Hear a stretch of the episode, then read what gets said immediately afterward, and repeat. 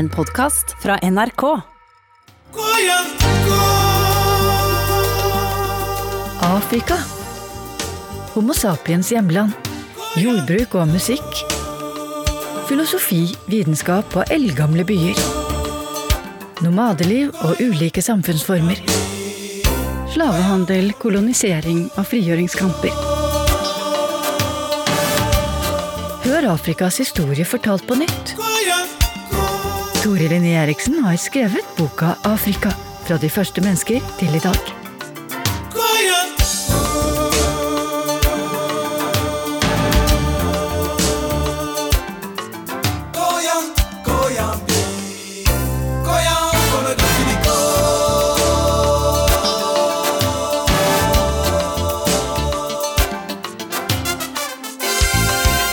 Afrikas historie er selvfølgelig enormt stort og omfattende, men i dag skal vi tillate oss et dypdykk. Det skal handle om den langvarige frigjøringskampen mot apartheidregimet i Sør-Afrika, som til slutt vant frem i 1994. Og Tore Linné Eriksen har tidligere hørt om boerne, som er etterkommere av nederlandske kolonialister i deler av det sørlige Afrika, og som der styrte over det svarte flertallet. Hva var forløperen til apartheid? Ja, her er det jo nødvendig å se litt tilbake til røttene først. eh, For å forstå at apartheidsystemet det ble grunnlagt eh, i hvert fall begynnelsen på 1600-tallet, og etter hvert forsterket gjennom 1800-tallet. Et system som både holdt det store afrikanske flertallet unna alle politiske og sivile rettigheter, ingen deltakelse i statsstyret, og dessuten drevet vekk fra sine områder hvor de dyrket jord, og inn i ganske karrige reservater. Vi har tidligere i denne serien hørt om boerkrigene og kampene mot britene rundt overgangen til 1900-tallet, og hvordan Storbritannia etter hvert sikret seg herredømme i Sør-Afrika, særlig på grunn av gull- og diamantforekomster. Boerne ble likevel værende også som politisk kraft, og rundt 1910 var hver femte person i Sør-Afrika hvite. Og det var boerne, og etter hvert deres nasjonalistparti, som utviklet den rasistiske apartheidpolitikken. Tore Linné Eriksen skriver i boka si Afrika. I 1910 ble det opprettet en samlet sørafrikansk stat, der hver femte innbygger var av europeisk opprinnelse. Med noen få unntak var det bare hvite menn som fikk rett til å stemme ved valg. I 1913 fulgte så en jordlov basert på et skarpt raseskille, der hvite bønder fikk enerett på mesteparten av jorda. Afrikanere ble på sin side henvist til reservater i områder som var for små og for karrige til å forsørge en hel familie, og mange menn ble derfor tvunget til å bli billig arbeidskraft. En afrikansk delegasjon reiste til London for å få parlamentet til å avvise forslaget til ny grunnlov, men ingen ville høre på dem. De satt på tilhørerbenken da erkebiskopen av Canterbury holdt sitt innlegg. Jeg har ingen betenkeligheter med å pålegge afrikanere de samme begrensninger og restriksjoner som vi pålegger våre barn. Skuffelsen førte til at African National Congress så dagens lys i 1912. Dette systemet det ble på mange måter forsterket etter den andre verdenskrig. Mens andre områder av verden eh, startet med en avkolonisering, og hvor rasisme ikke lenger var så gangbart begrep etter Nazi-Tysklands fall, så gikk det den andre veien i Sør-Afrika. Eh, og hvor det partiet, Nasjonalistpartiet, som selv valgte apartheid som slagord, kom til makten i 1948. Ordet betyr egentlig bare atskillelse, men det betydde jo hvit makt, økonomisk og ø, politisk. Så utover på 1950- og 60-tallet ble dette systemet ytterligere skjerpet. Tillatelser for afrikanere til å bo i byer ble fjernet. Og etter hvert slo man også ned på de tilløpene til afrikansk motstand som vi så på 1950-tallet. Da ledet av eh, frigjøringsbevegelsen African National Congress, som ble startet så langt tilbake som i 1912. Eh, deres streike, demonstrasjoner, ikke-voldelige, ble knust i 1960, da alle opposisjonsbevegelser ble forbudt etter en massakre fra apartheidregimets side den såkalte såkalte Sharpeville-massakren det året, eh, hvor politiet skjøt og drepte 69 fredelige demonstranter. Massakren fikk stor internasjonal oppmerksomhet, og samme år, i 1960, ble Albert Lutuli fra Sør-Afrika tildelt Nobels fredspris for sin ikke-voldelige kamp mot apartheidregimet. There has been little peace in Africa in our time. For there can be no true peace where there is oppression. Ved mottagelsen i 1961 i Oslo taler han bl.a. på bakgrunn av drapene i Sharpeville året før. A state of emergency is still continuing. Ours is a continent in revolution against oppression. There can be no peace until the forces of oppression Det er fremdeles unntakstilstand. Det blir ingen fred før årsakene til undertrykkelsen er beseiret. Albert Lutuli var leder for ANC frem til den ble forbudt i 1958, men fredsprisen til tross, det skulle gå ytterligere 30 år før starten på frigjøringen fra det undertrykkende apartheidregimet. Gjennom 60-tallet måtte opposisjonen gå under jorda. Så altså den nye ANC-lederen, Nelson Mandela. Så hva innebar det å være opposisjonell? Utover på 1960-tallet så var det ikke mulig med en åpen opposisjon inne i landet. Og det førte til at mange mange ANC-ere dro fra landet. Veldig mange ble fengslet, slik som Nelson Mandela, som da ble satt i Robben Island, fengslet for livstid. Dvs. Si så lenge apartheidregimet kom til å leve. Ja, Hva var altså, bakgrunnen for fengselet? Han var leder av eh, ANC, men var det bare derfor han ble fengslet? Nei, Han ble fengslet fordi at han uh, ledet en bevegelse som nå var blitt forbudt av myndighetene. Uh, og som også hadde åpnet for at det kunne bli nødvendig også med væpnet kamp dersom ingen annen utvei var mulig. Så han hadde ikke gjort noe kriminelt, bortsett fra at han var leder for en, bevegelse som, som de forbød? I Sør-Afrika var alle former for opposisjon kriminelt. Å bryte lover i Sør-Afrika gjorde han ikke til lovbryter. Det gjorde til en som sto opp mot lover som var gitt av et midt mindretall, og som hadde til oppgave å holde befolkningen undertrykt. Så ord som kriminalitet og lover får en helt annen karakter i et slikt uh, samfunn. På samme tid utover på 1960-tallet så styrket apartheidregimet seg, for det var lett å få våpen fra vestlige land og fra Israel. Det var lett å få utenlandske investeringer, for når det var forbudt å streike, så var det jo lønnsomt for utenlandske selskaper å investere, eh, f.eks. i gruvedrift eller i eh, industri. Men så skjedde det inn på 1970-tallet at uh, motstanden begynte å komme fram i nye former. Dels var det ved inngangen til 70-tallet store streiker, både i gruver og, og i uh, andre deler av industrien. Og så i 1976 kom det kjente Soweto-opprøret, hvor skoleungdom i Soweto, en svart bydel utenfor Johannesburg, kanskje med én million innbyggere, eh, demonstrerte mot eh, skolesystemet. Eh, og førte til politiaksjoner og etter hvert støtte til demonstrasjoner i andre deler av landet, og i hvert fall 1000 mennesker ble drept. Eh, Tore Linné Eriksen, hvilken betydning fikk eh, det Soveto-angrepet fra militærmakten inn i dette angrepet mot skolebarna? Hvilken betydning hadde det for omverdens øyne på apartheidregimet i Sør-Afrika? Det fikk stor oppmerksomhet, og bildene fra Soveto, særlig et uh, kjent bilde hvor en av de første unge guttene som ble drept, Hector Petersen, blir båret av en kamerat bort fra mordstedet stedet, og ved siden av løpet gråtende hans uh, søster Antoinette. Hun er i dag guide ved Sovjeto-minnesmerket for Hector Petersen. Det utviklet seg en våknende bevegelse, og sørafrikanske tekster ble oversatt. Også til norsk, her fra poeten Rebecca Matlow, som skrev fra Soveto. Kamerat, jeg ser smerte i ditt ansikt. Smerte i dype furer under dine øyne. Jeg kan se ditt hjerte blø.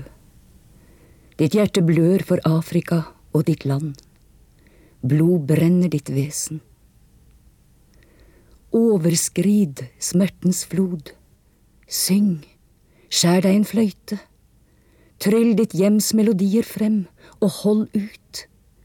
La ditt virkelige selv musisere, som murene, innpakket i piggtråd, skjelver. Så veien vi må gå med salte, blødende sår, åpner seg.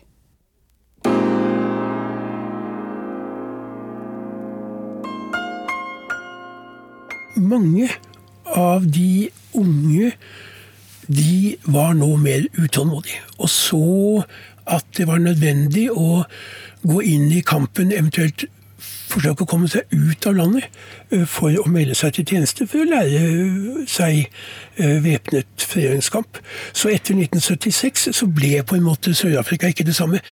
Eh, det gjorde også at ikke alle i vestlige land lenger syntes det var eh, så greit å støtte opp om apartheidregimet med våpen og penger, lån, og i og for seg også politisk eh, støtte. Her hadde jo apartheidstyret vært beskyttet som de fortsatt var i et tiår til, av at de vestlige stormaktene i eh, FN ikke ønsket å innføre økonomiske sanksjoner og straffetiltak, enda dette var altså et regime som eh, holdt nesten hele befolkningen i eh, fengsel, og som i tillegg okkuperte nabolandet Namibia. Man kunne jo tenke seg det omvendte. Et land i Europa med afrikansk ledelse, 10% mindretall afrikanere, hadde all makt i landet brukte den hvite befolkning som slaver, ikke gav dem politiske rettigheter, og i tillegg okkuperte et eller to naboland i Europa. Hvor lenge ville et slikt regime ha fått bli værende uten at de som i høytidelige stunder kaller seg for verdenssamfunnet, hadde sett grunn til å gripe inn. Det altså ligger det både økonomiske interesser, materielle interesser, eh, kald krig, men også i bunnen ligger det også en grunnleggende rasisme.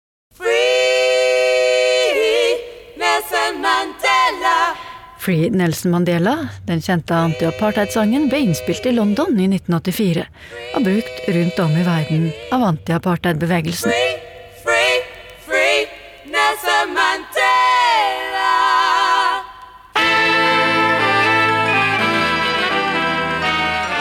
Var jo store demonstrasjoner eller stor oppmerksomhet rundt dette i den vanlige befolkningen. Det var jo mange år med boikott av sørafrikanske varer. Eh, mange hvilke tanker på Shell-stasjoner fordi de hadde samarbeidet med Sør-Afrika osv. Men det var den vanlige befolkningen. Det forplantet seg ikke til eh, politiske beslutningsapparat. Norge delte det samme synet som alle de vestlige stormaktene om at sanksjoner eh, ikke kunne gjennomføres og være bindende.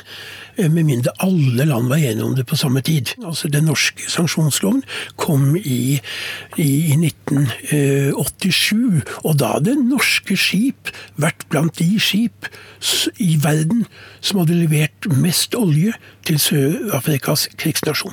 Men det var først da apartheidregimet begynte å vakle, og det begynte det å gjøre pga. økt motstand inni landet. Midt på 1980-tallet en samlet ny fagforening.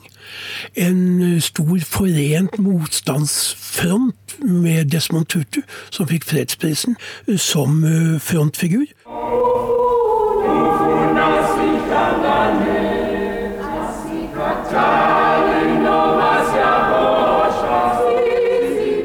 Kirkeleder og aktivist Desmond Tutu blir i 1984 tildelt Nobels fredspris for sin pasifistiske motstand mot apartheidregimet.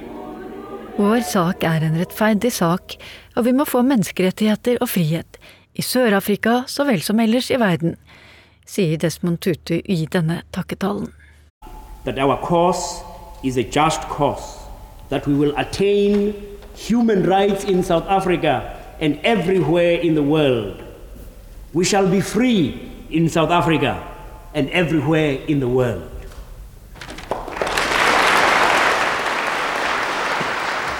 Med Desmond Tutu som frontfigur. Ungdomsorganisasjoner, kvinneorganisasjoner. Det var ikke lenger mulig å holde landet under kontroll. Og da begynte en del av de som hadde investert pengene i landet, og som hadde levert våpen, å tenke som er dette så sikkert, disse investeringene? Eh, kanskje er det bedre å innføre sanksjoner, og så være på den såkalte riktige sida når systemet bryter sammen. Mange av de hvite tenkte det er bedre å ha forhandlinger og bevare så mye som mulig av det hvite herredømmet. Og det var det som skjedde. Sør-Afrikas president Fredrik de Klerk har altså kunngjort at nå skal Nelson Mandela settes fri uten vilkår. Forbudet mot frigjøringsbevegelsen ANC er også oppheva. Vi er nå på ANC sitt kontor i Oslo sammen med leder Tandi Ranko. I personally am still a little bit skeptical We shall actually rejoice when we see him, when it is actual real. Da Mandela kom ut i 1990, så var ikke Sør-Afrika et samfunn hvor apartheid var avskaffet. Det var ikke et samfunn hvor det var stemmerett for alle eller demokrati. Det var fortsatt et apartheidstyre. Det skulle fortsatt gå fire år før et fritt valg. To måneder etter løslatelsen taler Nelson Mandela, der han ber om at alle diplomatiske forbindelser må brytes. For ingenting har forandret seg, som han sa under dette møtet i Stockholm. Nothing has changed in the political setup in South Africa. We ask the international community in general to intensify sanctions. Under samtalene med statsminister Ingvar Carlsson i formiddag sa Nelson Mandela at alle land som har diplomatiske forbindelser med regjeringen i Pretoria, må bryte disse. Og det sittende styret under eh, president de Klerk, han brukte fire år med forhalinger eller forhandlinger eh, for å få på plass at hvite fikk fortsatt eie størstedelen av jorda, de eide 87% av jorda, at de fortsatt skulle få eh, beholde makten over gruveselskapene, at de som ønsket av de gamle i militære styret eller apartheidadministrasjonen, skulle få beholde sine jobber. Og hvis ANC ikke gikk med på det, så var risikoen stor for at det ville bli et blodbad, et rasistisk høyrekupp. Så Mandela ble satt under et voldsomt press og måtte gi etter på felt etter felt i den fireårsperioden. Mm. Så først i 1994 da ble det valg. Og Nelson Mandela var da 76 år. Han var førstegangsvelger. Og partiet ANC fikk eh, dobbelt så mange stemmer som 15 andre partier til sammen. Da først kunne man begynne å demontere regimet. Noe ble gjort for å skape flere uh, boliger, vannforsyning, strømforsyning. Det betydde mye for de fattigste at de fikk litt pensjon. Men hovedmønsteret med privat eiendomsrett til jord og de store selskapenes makt har det vært gjort altfor lite for å rokke ved. Så det er frem til i dag, altså Tore Linje Eriksen, for dette er jo nå 25 år siden at eh, Nelson Mandela kom til makten. Mm. Eh, så hva er grunnen til det, da? At, eh, at det ikke er greid å få på plass en mer lik fordeling? Fortsatt er det slik at utenlandske selskaper vil si at hvis man nå bryter med kompromissene og bryter med det økonomiske systemet, så trekker investeringene ut. De er utsatt for veldig sterkt press. Jeg mener personlig at de kunne gjort mye, mye mer. Og, det mener jo en stor del av eh, befolkningen, men det har jo hittil ikke vært noen klare alternativer. Men man må jo tross alt si at det som har vært, eh, som mange i 1994 ikke trodde ville skje, det var at landet ikke ble kastet ut i en ødeleggende borgerkrig. At det har vært skapt en slags stabilitet. Det har vært en sannhets- og forsoningskommisjon mm. hvor mange av forbrytelsene er kommet fram. Ledet av Desmond Tutu. Av Desmond Tutu. Som gjør at i hvert fall de verste mange spådommene om at blir det selvstendighet, kommer Mandela til makten, så bryter hele samfunnet sammen. De kan ikke styre, og det blir eh, kaos. Det har i hvert fall vist seg å være en spådom som ikke har holdt. Mm. Torlin Eriksen, du skriver bl.a. i boka di 'Afrika' eh, at frem til 1990 så var det ikke noen president som gikk etter et valgnederlag. Men jeg bare lurer på, altså Hvilken effekt hadde hele den prosessen av den endelige frigjøringen fra apartheid i Sør-Afrika på andre nasjoner i, i Afrika? Jeg tror at det selvfølgelig var en stor stimulans. Eh, det er klart at tanken på at hvis det var mulig å bringe i kne det sørafrikanske apartheidregimet, så sterkt rustet og holdt oppe av de sterkeste vestlige stormaktene, skulle det ikke da være mulig i land som Benin eller Tanzania eh, eller eh, Kenya? Dette skjedde jo ikke så brått i andre deler av Afrika mot slutten av 1980-tallet så var det helt klart at uh, demokratisering var kommet på dagsordenen i stadig større folkegrupper. Og uh, det var jo også ikke bare Sør-Afrika som var en stimulans her. Det var også slik at uh, militærregimer i andre deler av det globale sør, altså slik som Brasil og Argentina og, under, og Chile, under så langvarig høyre militærdiktatur, Uh, også der hadde befolkningen kastet av seg disse dinosaurene, og hadde forhåpninger om ikke bare et maktskifte, men også et skifte i retning av samfunn som tok mer hensyn til vanlige folks sosiale, økonomiske og politiske rettigheter. Hvilken betydning hadde slutten på den kalde krigen etter hvert Berlinmurens fall på slutten av 80-tallet, oppløsningen av eh, sovjetkommunismen, på det som skjedde innad i enkelte afrikanske land, for det var vel bindinger den veien også? Jeg mener sammenlignet med disse andre faktorene. Jeg tror at det er ikke nødvendig for afrikanere å lese i avisa om Berlinmurens fall for å ønske seg et mer demokratisk styresett og større innflytelse over egne samfunn. Men avslutningen av kalde krigen fikk en annen og mer direkte virkning. Og det var jo at en del regimer i Afrika, en del eh, diktaturer, var jo holdt opp oppe ved støtte fra uh, Sovjetunionen. F.eks. Etiopia, dels uh, Mosambik, uh, Kongo-Brazzaville. Der hadde i og for seg den støtten begynt å bli trappet ned allerede midt på 1980-tallet under Gorbatsjovs reformperiode. Men det betydde jo også at de diktaturer som var holdt oppe med vestlig støtte. Og hvor f.eks. en av de verste tyrannene i Afrika, president Mobutu i Zaire, nå Demokratiske republikken Kongo, han var jo blitt sittende der fordi at han hadde ivaretatt USAs interesse under den kalde krigen og vært et broder for å føre krig mot radikale bevegelser i andre deler av Afrika. Nå var han istedenfor en støttespiller, så var han nå blitt en belastning. Så det er klart at det at en del av de gamle diktatorene som hadde klart å bli sittende fordi de hadde oppbakking utenfra. Mm. Når det forsvant, så så vi jo at de ikke hadde noen folkelig forankring. Så som alltid er det mange forskjellige forhold som spiller sammen. Men det skjedde en viss demokratisering. Etter hvert øh, så har det ikke vært varig, men i mange land er det stor, fått stor betydning. F.eks. Nigeria, som hadde militærstyre ja, i praksis fram til 1998, har jo gjennom hele vårt eget århundre eh, hatt en mye mer stabil eh, situasjon med gjennomgående rimelige valg og bytte av presidenter. Det samme har vi sett i Ghana. Eh, og vi så jo også det som ble kalt for den arabiske våren som jo er, hovedsakelig er den afrikanske våren. Den foregikk liksom, jo i Tunisia først. Mm. Arabisktalende land er kanskje derfor? Arabisktalende land, men, men, når folk sier den arabiske våren, den, hvorfor sier ingen den afrikanske våren? Mm. Når den er i Tunisia, i Algerie, i Libya, i Sudan. I Egypt. Og Egypt. Dette er jo Afrika. Eh, I dag er det mest lovende kanskje det som skjer i eh, Sudan, eh, hvor den bredeste folkelige oppstanden har funnet sted de siste par årene, og hvor det nå er et overgangsstyre som kanskje kan lede fram til en betydelig demokratisering. Men det vi ser da, det er at det er indre motstand, fagbevegelser og ideelle organisasjoner som driver frem demokratiseringsprosessene. Men hvor langt er det mulig å komme eh, for en rekke av disse afrikanske landene, når de samtidig har press fra systemer utenfra?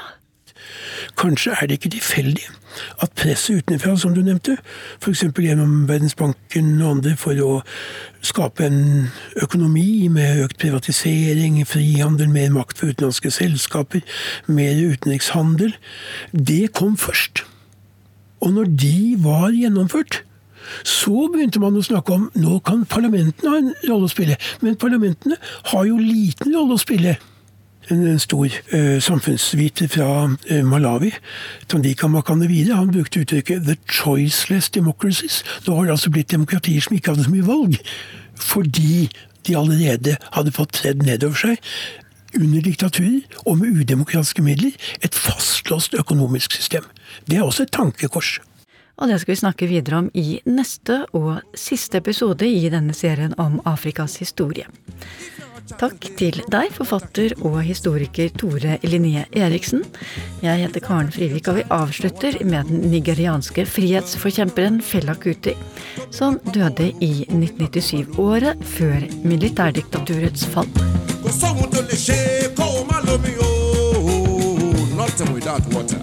Kò sóhun tó lè ṣe kó o má lómi o, omi yóò lọ́ọ̀ta o.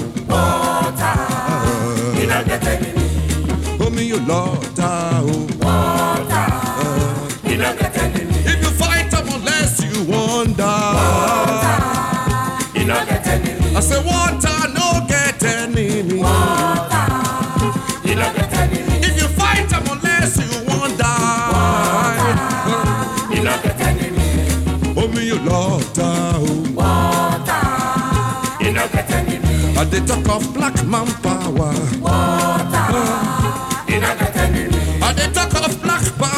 say, I say, I say, water no get enemy. Water, uh-huh. you no get enemy. If you fight them unless you won't die. Water, uh-huh. you no get enemy. I say, water no